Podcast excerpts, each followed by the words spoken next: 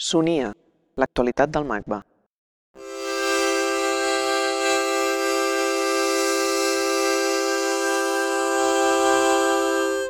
Enric Ferrés, artista, editor i agitador cultural, va començar la seva llicenciatura en filosofia perquè li anava de pas quan anava cada dia a estudiar a l'escola Massana.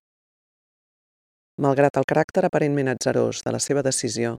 la seva metodologia de treball sembla estar influenciada per l'acadèmic. Investiga, recopila referències, s'obsessiona amb un tema fins que aconsegueix passar-lo per la màquina del sentit i generar-ne contingut. El seu treball reflecteix un interès extrem per la literatura, les biblioteques, els arxius i les col·leccions.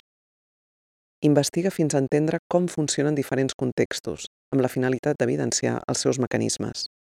Així mateix, considera la mediació i la recepció com a parts fonamentals dels seus projectes. Tota la informació compilada es desplega de maneres molt diverses, autònomes i complementàries, que van des de les publicacions fins a les visites o les presentacions performatives. Sonia parla amb l'Enric sobre col·leccionar obsessivament, sobre el valor de l'efímer, sobre l'ús de la mentida com a estratègia creativa, sobre la relació de complicitat amb els que l'envolten i sobre altres facetes del seu treball.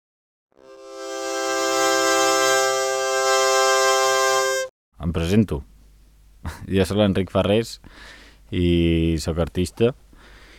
i el meu treball toca molts temes, últimament sobretot el tema de la col·lecció, entesa d'una manera molt àmplia, on ho entenc sobretot la col·lecció com una eina. La col·lecció com una eina per parlar d'altres coses i per activar-la o desactivar-la en diferents formats, ja sigui amb exposicions, conferències, tallers o altra cosa. La col·lecció per mi és una agrupació de coses que tota la seva potencialitat està en com en fer-la i desfer-la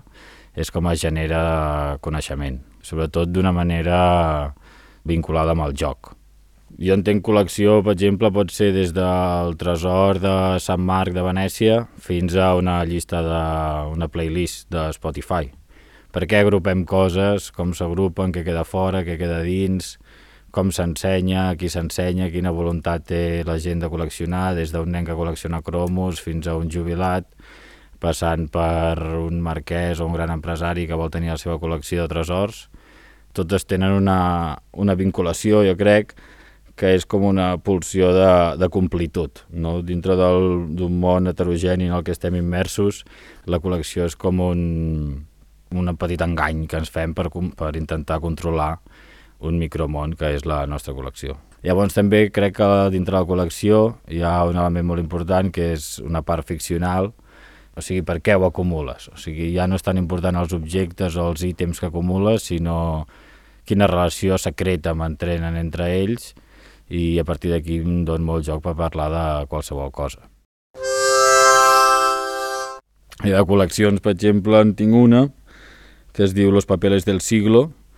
que això és una col·lecció de papers que jo m'he anat trobant a dintre els llibres, que ara hi ha uns 2.500 papers, més o menys, i hi ha de tot. Hi ha cartes d'amor, xecs, eh, llistes de la compra, postals, fotografies, papers en blanc. Com us he dit abans, és, és una eina que jo la puc utilitzar per infinitud de casos. O sigui, puc fer vídeos, puc fer tallers, puc convidar la gent a que ho faci servir per mi no, no hi ha uns originals els, i que els ensenyo. O sigui, no hi ha, l'objecte no té valor en si mateix, sinó és en el relat en el qual està immers i bueno, serveix per construir mons al final. Jo aquesta col·lecció la vaig començar una mica, o sigui, em vaig anar trobant llibres i no, eh, papers entre els llibres i no, sense cap voluntat, vull dir, fins que em vaig trobar un que em va cridar molt l'atenció,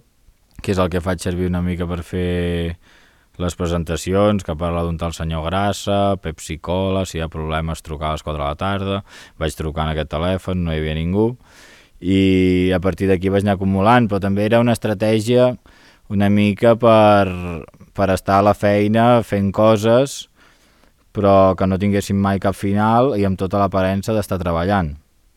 que o sigui, tu jo estava com ordenant llibres però en veritat estava buscant papers d'una manera com obsessiva probablement si estigués, fent una altra cosa que no fos la feina la llibreria no aniria a anar acumulant aquestes coses però tota distracció és bona, no?, quan fas la feina. De fet, bueno, aquesta col·lecció s'ha acabat perquè he deixat la feina. O sigui, jo tinc una voluntat així d'objectivitat amb aquesta col·lecció. Per exemple, quan la vam ensenyar, eh, va haver-hi una activitat que va ser, ja que heu vingut, públic, doncs ara contarem tots els papers i bueno, es van organitzar així per grups, hi havia bastanta gent, no sé si 20 o 30 persones, i en un moment els van tenir comptats, perquè jo de fet no en tenia ni idea de quants papers n'hi havien. I, I ara hi ha un número concret que surt en una publicació que són, no sé si són 2.324 o alguna així, però que bueno, que va una mica amunt i avall, eh? vull dir, no va bé dir un número així arbitrari i no dir uns 2.500, sinó dir això 2.324, perquè dona aquesta sensació de que n'hi ha molts i que els tinc tots controlats, quan, quan no és així. Bueno, aquest projecte, establir un principi de procedència, és parteix de la necessitat d'entendre tota aquesta acumulació de, de paperets que tinc jo a l'estudi en un calaix, entendre què són, no? Que, I una de les veus és, és la Maite Muñoz, no? que és el jefe de de l'arxiu era, i, i li vaig preguntar una mica pues, què, què en pensava ella, no? ella que remena tant de paper aquí, l'arxiu brossa i el miserax i tot això, i bueno, em va dir que era una col·lecció, que no era un arxiu, i jo vaig pensar, bueno, doncs podríem transformar la col·lecció en l'arxiu. I com es transforma? A través del principi de procedència, que és el que, si segueixes aquest principi, és el que et permet veure com a quadre de classificació i respectar d'alguna manera com en l'origen d'aquests documents quan es van crear, respectar aquest origen perquè és significatiu. Clar, jo aquests papers els vaig anar agafant i no sé quin llibre estaven. No m'ho he apuntat, en alguns sí, però la majoria no. Llavors el que faig és pensar en quin llibre podrien estar bé cada un d'aquests 2.500 papers i aquest era el punt de partida. El projecte ha anat evolucionant i reproduiré com un, un petit arxiu però de la manera més estricta possible i m'agradava molt el contrast entre tots els protocols que envolten l'arxiu amb el, el poc valor que poden tenir doncs, aquests documents segons com, com es tractin. La disposició espacial de, en l'exposició està bé perquè hi ha el lloc on hi ha la base de dades, que són tot allò que fa referència en el, en el document, però sense ser el document, separat per un vidre de lo que és el, el, el document mateix. I aquests dos espais estan aïllats un de l'altre totalment. Llavors tu pots acostar-te al document a través o sigui, de tot el material generat en el transcurs de transformar aquesta col·lecció en un arxiu, o pots acostar-te, diguem en el, en el document. I aquest, aquesta cosa d'anada i tornada de sortir i entrar del, de l'espai de l'arxiu crec que és el que té joc, o sigui, i que pot generar el, diferents sentits per a aquesta peça. Llavors ara aquí en el Museu Marès estem fent un projecte que es diu El visitant ideal d'una col·lecció sentimental, que el que hem fet ha sigut una sèrie de personatges, eh, imaginar què passa quan ve una persona en un lloc on tot està desordenat. O sigui, al contrari del, del Manac, el Marès no segueix un criteri historiogràfic a l'hora de donar les seves peces, o no tot, perquè hi ha tal quantitat d'objectes que no,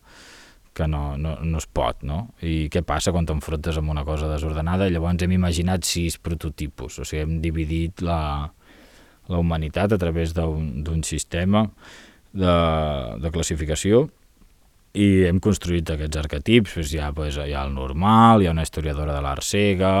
hi ha un polític d'aquests nous, hi ha un nen xino, hi ha una turista japonesa, hi ha un aristòcrata francès, i què passa quan van en aquest museu? Llavors hi ha una sèrie d'audioguies, però llavors també hem fet un congrés, i en aquest congrés he convidat a un, a un José Díez, que és com aquest, el profe de filosofia de la ciència, perquè expliqui des de la part científica quina importància tenen les classificacions a l'hora de generar coneixement i els, que, bueno, els axiomes i, i tot això. És que la col·lecció i les taxonomies toca tot. Des de les primeres col·leccions de, de meravelles, no? les Wunderkammers, allà estava tot barrejat, o sigui, no, no hi havia un, un, una perspectiva artística, històrica o, o científica. Des de la història, i concretament la, des de la història de l'art, doncs també s'ha volgut fer aquest tipus de, de classificacions. I bueno, de, fent i desfent és com es, com es genera no? aquest, aquest coneixement. Treballava a la llibreria i ara treballo a lo puntual, que és un, és un altre espai però que està al mateix recinte, que és el Mercantic de Sant Cugat, que allà és un lloc de trastos, d'antiguitats, i un dia em vaig trobar una caixa que contenia un llibre, en un suposat llibre, perquè la caixa estava buida, com una funda, i vaig pensar que allò podia ser com la galeria, la galeria de la, de la llibreria, no?, d'allà al siglo, perquè, bueno, és qüestió de pintar-ho blanc i fer exposicions a dintre i, i ja està. Però sí que vaig pensar que m'agradaria que fos només una galeria que, de màsters, o sigui, de, de penya així com important, perquè si, si, si la galeria és cutre i l'artista és cutre, llavors sí que no té cap sentit. Llavors, eh, un dia va passar per allà el Xavier Ballí, que, que ell és un duchampià total i, i fa reproduccions de les peces de Duchamp a diferents escales, d'una manera molt acurada, i li vaig proposar de fer una exposició de Duchamp en el, a la Cup Gallery, que és aquest, aquest petit espai va donar una conferència la inauguració que es deia Les capses de Marcel Duchamp. Hi havia una part així molt pedagògica al principi que explicava totes les capses de Duchamp, la Battenbalis, la no sé quantos... O sigui, des de la primera fins a la tomba. I llavors feia com un salt a la ficció que parlava que havia trobat una darrera caixa, que era la caixa de Ferrero Rocher, que a dintre hi havia unes peces de Duchamp i llavors vinculava pues, la Isabel Presler amb la Viuda Alegre, el Soltero, com l'Ambrosio, tot això d'una manera molt ben feta. I, I vam fer aquesta exposició. Al final són excuses així per, per activar mm, idees i pensament i moltes vegades no...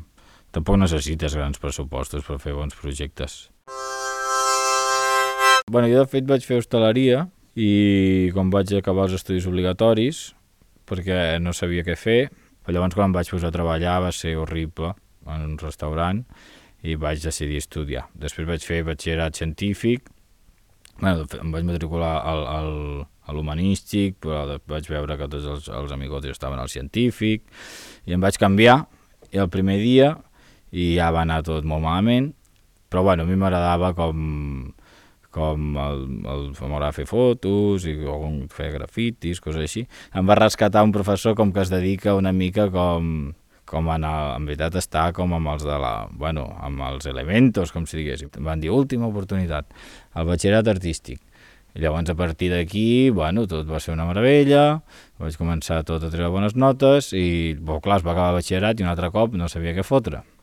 Llavors, mentre estudiava a l'Escola Massana, eh, vaig veure que van posar aquí la Facultat de Filosofia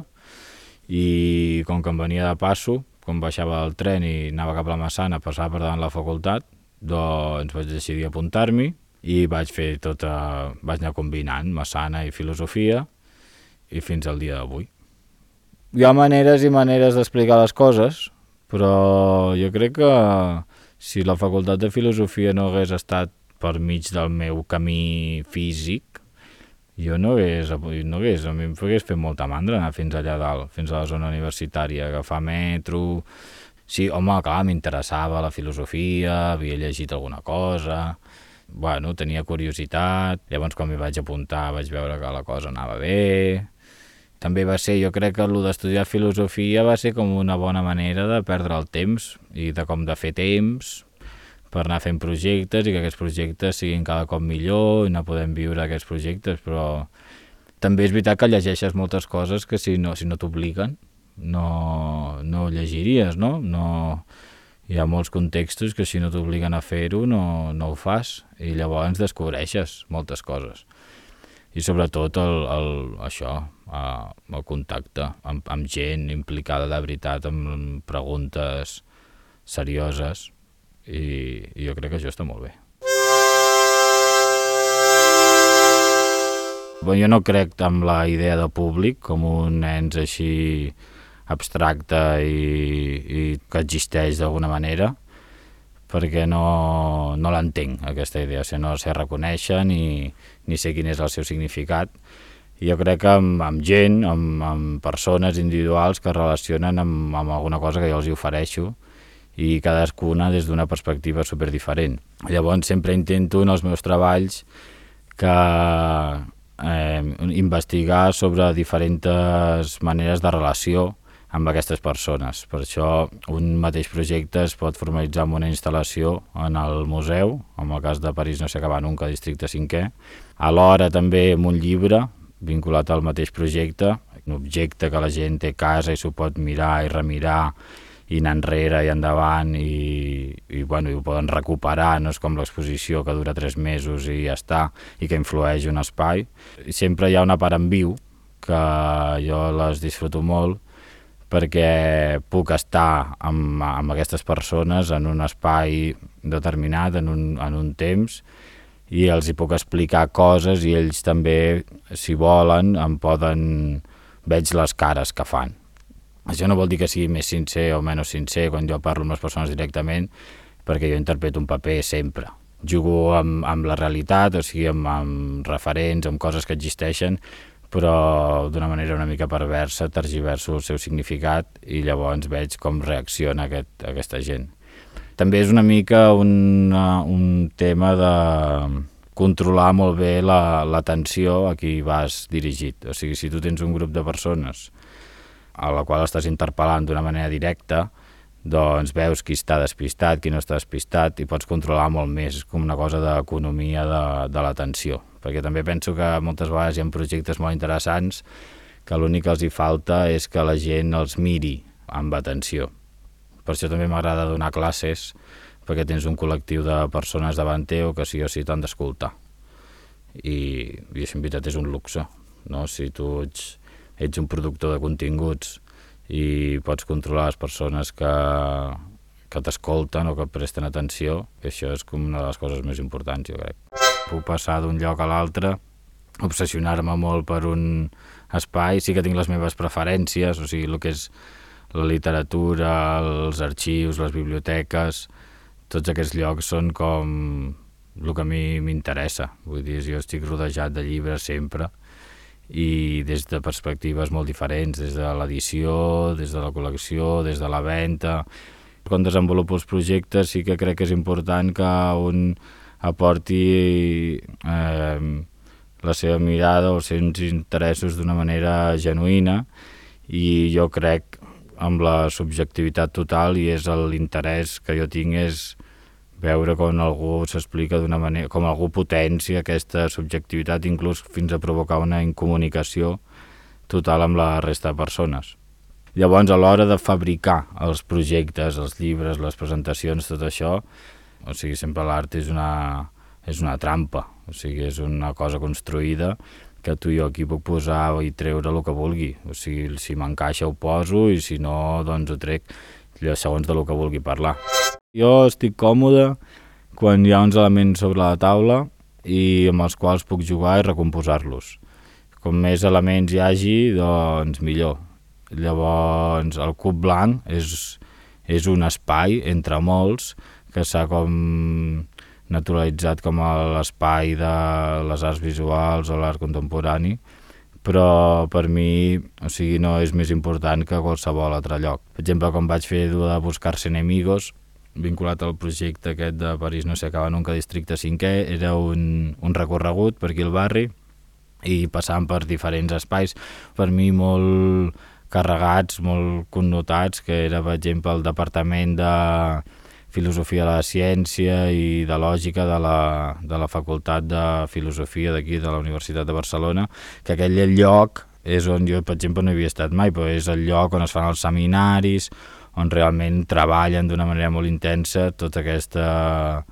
tota aquesta branca de la filosofia que jo desconec, però que és, jo crec que és important. Després vam passar, per exemple, per l'amfiteatre anatòmic que hi ha allà davant de l'Institut d'Estudis Catalans, del, que és del segle XVIII, que està tal qual, i allà vaig explicar com un, un conte del Ramon i Cajal que va escriure ell, que és on apareix com el primer mutant de la història de les lletres hispàniques, i aquell lloc també, bueno, és que és, és un anfiteatre i, i parla de, de moltes altres coses, no? Llavors vam passar per la classe de, de ceràmica de l'escola Massana i les relacions que s'establien allà eren també molt diferents. Per mi tots els espais són importants i tenen les seves regles i pots jugar-hi. Si em puc estalviar feina ja hi ha una sèrie d'elements allà en els quals treballar, doncs millor que no començar de zero. És per això també que m'interessen les, les col·leccions donades i, i totes aquestes coses, perquè ja s'estan posicionant i ja pots començar a fer-te preguntes.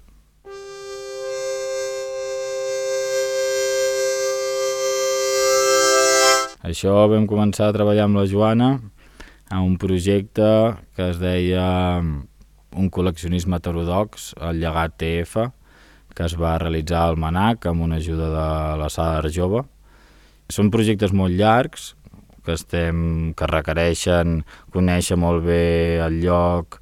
i quins elements es composen, les persones que treballen, entendre molt bé les dinàmiques i llavors aquí vam estar durant un any i mig anant cada dia fent una, una revisió de tots els fons del Museu Nacional d'Art de Catalunya i amb la complicitat de la gent d'allà ens no anaven ensenyant tot. Llavors aquí el que vam fer va ser una selecció de peces, però bueno, també va ser com un, un petit èxit perquè vam poder ensenyar peces, pujar peces a la sala d'exposicions que no s'havien vist mai, amagar-ne unes altres, inventar-nos alguna peça. Una anècdota molt xula és que hi havia un cartell dels pintors de parets d'allà del museu que posava recent pintat, que, que està mal escrit perquè és acabat de pintar. Però, però bueno, està molt bé, està mal escrit però està molt ben fet, hi havia les pautes, vull dir, ja com ofici. Llavors el que vam fer va ser pujar-ho dalt i fer-ho com si fos una peça conceptual amb la cartela, d'un artista fictici que es diu Ernest Güell dels anys 70 com un, un artista conceptual més o menys dolent, però com el representant dels conceptualismes a, a Catalunya. El pintor de parets ens va dir, bueno, molt bé, jo us, jo us regalo aquest cartell, m'és igual, però me n'heu de fer un. I, i, bueno, i li vam fer un cartell amb un cartronet, i vam posar com acabat de pintar, i llavors això també va ser maco perquè en veritat el nostre pes està utilitzant-se realment per indicar una cosa que la pintura està fresca i l'altra peça ja ha passat al, al terreny del, del simbòlic i dintre del context de la història de l'art legitimat per aquesta cartela. Vam fer una publicació, que és el butlletí d'un col·leccionisme heterodox al llegat EF, i hi havia com dos elements molt importants en aquest projecte, que era la part de la mediació, o sigui, què es posa què posa el museu o qualsevol altre lloc entre l'obra artística o la peça o el projecte i la persona que, que està interessat en ella. I llavors vam entendre aquesta mediació d'una manera acumulativa. O sigui, primer la gent no tenia res, però inclús no tenia res, res perquè la peça que havia d'anar a veure estava cedida i aquí era com el museu com a decepció, com si tu entens el museu com un lloc que té el monopoli de l'experiència estètica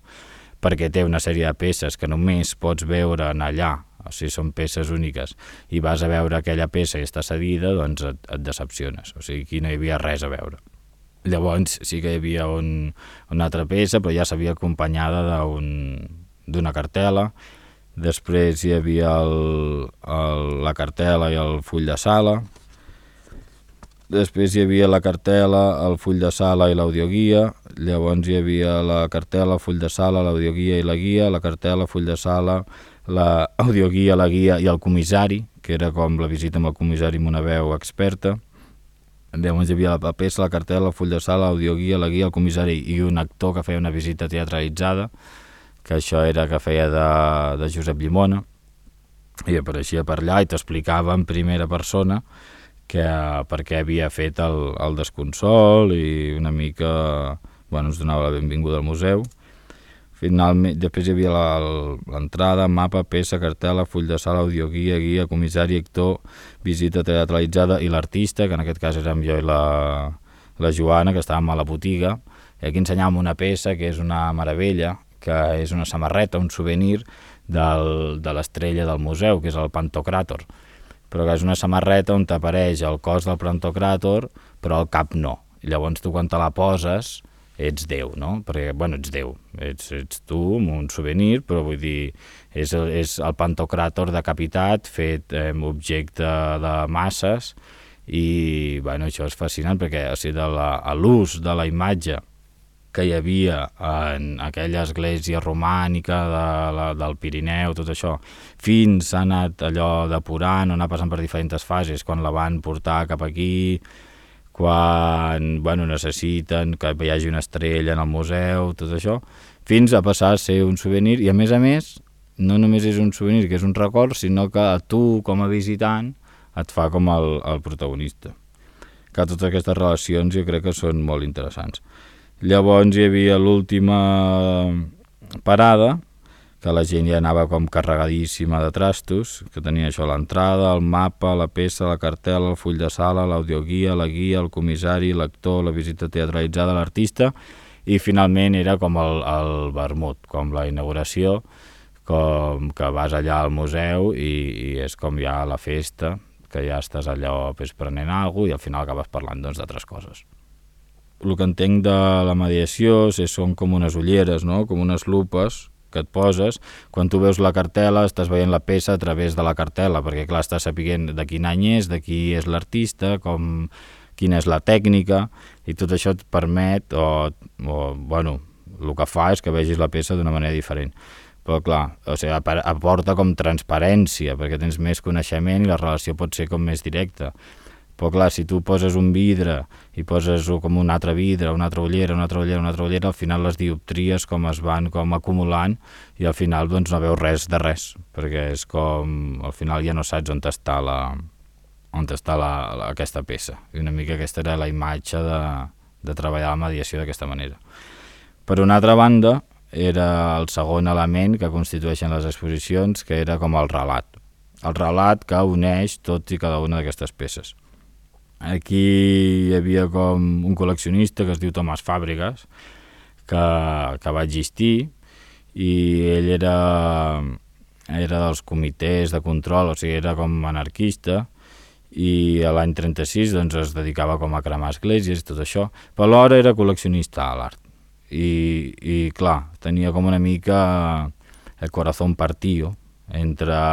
destruir aquelles imatges eh, que representaven unes figures de poder mm, totalitzadores o quedar-se alguna peça per al seu amor per l'art, perquè ell col·leccionava d'una manera eh, no historiogràfica o no amb voluntat de,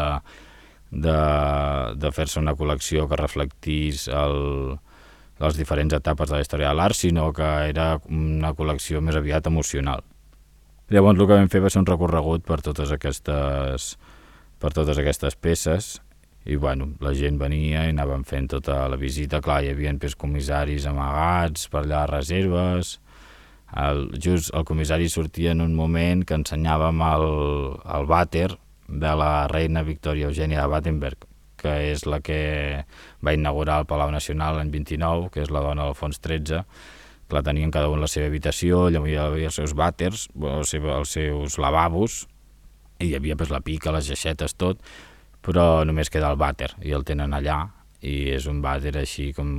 que és una meravella, eh? perquè no és un no és model científic net com el que tenim ara, així escèptic, sinó que és molt recargolat i, i molt, amb molta decoració. Jo el que faig és fer una investigació com totalment creuada i estic com durant molts mesos obsessionat amb un tema i, i el que faig és acumular, acumular informació i sobretot escriure molt, o sigui, la part textual és molt important i d'aquí és on van sortint les idees i llavors finalment em plantejo com ensenyo aquestes, aquestes idees, però posat en un projecte em vaig trobant diferents elements i sembla com, com que tot al voltant es, es conjugui com a, perquè vagin sortint aquests elements que van a, a favor del projecte. És que estic atent i vaig allò acumulant, acumulant referències, reflexions, reunions amb persones que crec que és interessant el seu punt de vista i llavors tot això ho passo com per la trituradora aquesta del, del sentit Um, potser també el fet de fer els llibres, les exposicions, les conferències, és com una voluntat d'aprofitar tota, tota aquesta feina. Per exemple, en aquest projecte París no s'acaba nunca al districte 5è, hi havia la instal·lació que la gent va veure, llavors hi havia les, la, aquesta Buscar-se enemigos, que la gent s'apuntava, però llavors va haver-hi el llibre. Llibre el vaig presentar a la llibreria Múltiplos, fent referència a tots els tres llibres per posar en context. Però després, per exemple, el vaig presentar amb l'escriptor Enrique Vilamates, que per mi ja és una peça nova, perquè això ja no té res a veure amb el llibre, però gràcies al llibre ho vaig poder activar aquesta presentació, que al final no deixava de, fer, de ser com una posta en escena, i ell em va dir que, que sí, hacemos la presentación, pero haremos ver que el libro es mío. Y yo vaig dir, vale, perfecte, pues si fer les preguntes. Y en medio de la conversación harem, o giraremos y será el libro será tuyo. Clar, tot això, per mi això és una meravella. I m'és igual si presentem aquest llibre com si presentem qualsevol altre perquè bueno, és que aquests àmbits així de confusió, aquella persona allà, aquell aure, llavors, clar, congrega altra gent que és de fora del context de l'art, al final no saben quin llibre, de qui era, de què es parlava. Jo dono molta importància que de tots aquests processos quedi alguna cosa, encara que sigui una postal, un punt de llibre, per mi té la mateixa importància això que, que haver vingut a veure la peça o que haver vingut al recorregut i sempre intento que tinguin una certa autonomia. Per exemple, aquesta postal, una postal d'un projecte que vam fer amb el, amb el Kim Packard, que era el grau d'assistent d'artista professional, i el, el, el, el, a la cara de la postal hi ha una, una imatge d'un lleó que passa un, un aro de foc que posa l'artista és un zombi, l'assistent d'artista viu i mata, firmat Francis Alice. Clar, aquí ja és mentida, o sigui, això no ho va dir el Francis Alice, però així això fa que sigui aquesta postal sigui interessant. Llavors, per darrere també, el primer que veus són com, o a mi el que em crida atenció són els logos, que hi ha els agraïments que són a l'hangar, que aquest sí que és verdader, perquè és el que va pagar les postals, i llavors hi ha Goldsmith, que és aquesta Universitat de Londres, no té res a veure amb Goldsmith, però clar, dona com una legitimitat a la postal. Llavors els dos textos els vam treure de propaganda de màsters de, per ser comissaris o per ser artistes i vam substituir unes quantes paraules. Llavors això què fa? Que això, aquest document per mi explica molt bé quin era el to del projecte o què es posava en, en joc en aquest projecte. Clar, per, jo li tinc molt de carinyo, per exemple, en aquesta postal, perquè t'hi pots relacionar d'una manera directa, que això també jo crec que és molt important en els projectes, o a mi crec que és interessant, quan la gent es relaciona d'una manera directa i sense voler. Per exemple, la col·lecció aquesta de papers la vaig ensenyar a la capellà Sant Roc, a Valls, en un cicle que es diu Dèria, que està comissariat per la Marina Vives, i aquí vaig ensenyar amb unes taules molt grosses eh, tots els papers. Llavors, quan la gent entrava en el, a veure aquests 2.500 papers, ja començava, o sigui, era com una màquina de, de generar sentit i relacions i la gent no es plantejava de que estava veient una, una peça en un espai expositiu. Directament miraven el contingut d'aquests papers i començaven a relacionar papers amb ells i trobaven que si la invitació de boda de l'àvia d'una amiga seva, que si la foto de no sé qui, que si no sé quantos, i, i això passa una mica també amb aquesta postal, que tu, po tu pots llegir-la com una postal de propaganda d'un grau d'assistent d'artista professional, no? De fet ho vam fer i la gent es va apuntar com de veritat, però que era de veritat. Però, però clar, hi han coses que són una mica... Bueno, com... Sempre és com un joc de les aparences, és com els llibres aquests de París no s'acaba nunca, que tenen tota la pinta d'anagrama, i bueno, això et permet situacions divertides. Per exemple, el segon llibre del Prat, jo no el coneixia l'Enrique Vilamates, vaig donar una presentació seva, i vaig anar, li vaig, al final de la presentació, vaig fer la cua perquè em firmés el, el meu llibre i llavors ell, bueno, el va començar a firmar, llavors hi havia el cantó, hi havia com el, el traductor, i en plan, vigila Enrique, que te están enredando. I llavors va dir, oh, ¿qué coño es esto? I jo, ja no, una autoedició, no sé què. Ah, bueno, bueno. I m'ho va firmar igualment. pues aquest joc de les aparences o la cartela del recent pintat o la falta aquesta, que tots són elements reals, o sigui, són elements que, que existeixen i que permeten aquesta cosa de... que no sigui estrany quan tu ho vegis, però que hi, ha, hi hagi alguns elements que et facin com sospitar. Llavors, clar, el nivell de nostra estranyesa o de sospita moltes vegades passa per conèixer-me a mi, conèixer la meva obra, i llavors ja la gent ja estan esperant que faci alguna cosa per descobrir com una mica les pistes. Però també a vegades és contraproduent perquè si ja directament penses que és un llibre d'anagrama, si ja directament penses que és un curs, si penses que és... Clar, llavors ja, mmm, bueno, és una altra lectura és, i com es desfà una mica el, aquest, i a vegades aquest equilibri és el que es busca en els, en els projectes i és el difícil de trobar.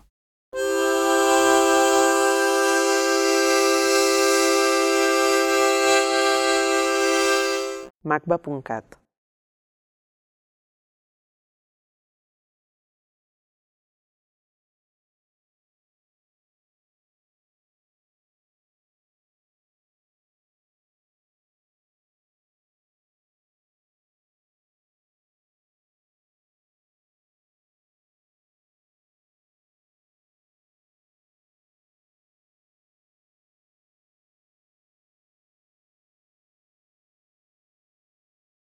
En este libro semibiográfico, en el que de vez en cuando me extravío, como en una novela picaresca, dejándome arrastrar por el encanto irresistible del relato inesperado, tal vez subsista, a pesar de mi vigilancia, algún que otro falso recuerdo. Lo repito, esto no tiene mayor importancia. Mis errores y mis dudas forman parte de mí tanto como mis certidumbres. Como no soy historiador, no me he ayudado de notas ni de libros, y de todos modos el retrato que presento es el mío, con mis convicciones, mis vacilaciones, mis reiteraciones y mis lagunas, con mis verdades y mis mentiras, en una palabra, mi memoria. Luis Buñuel, mi último suspiro.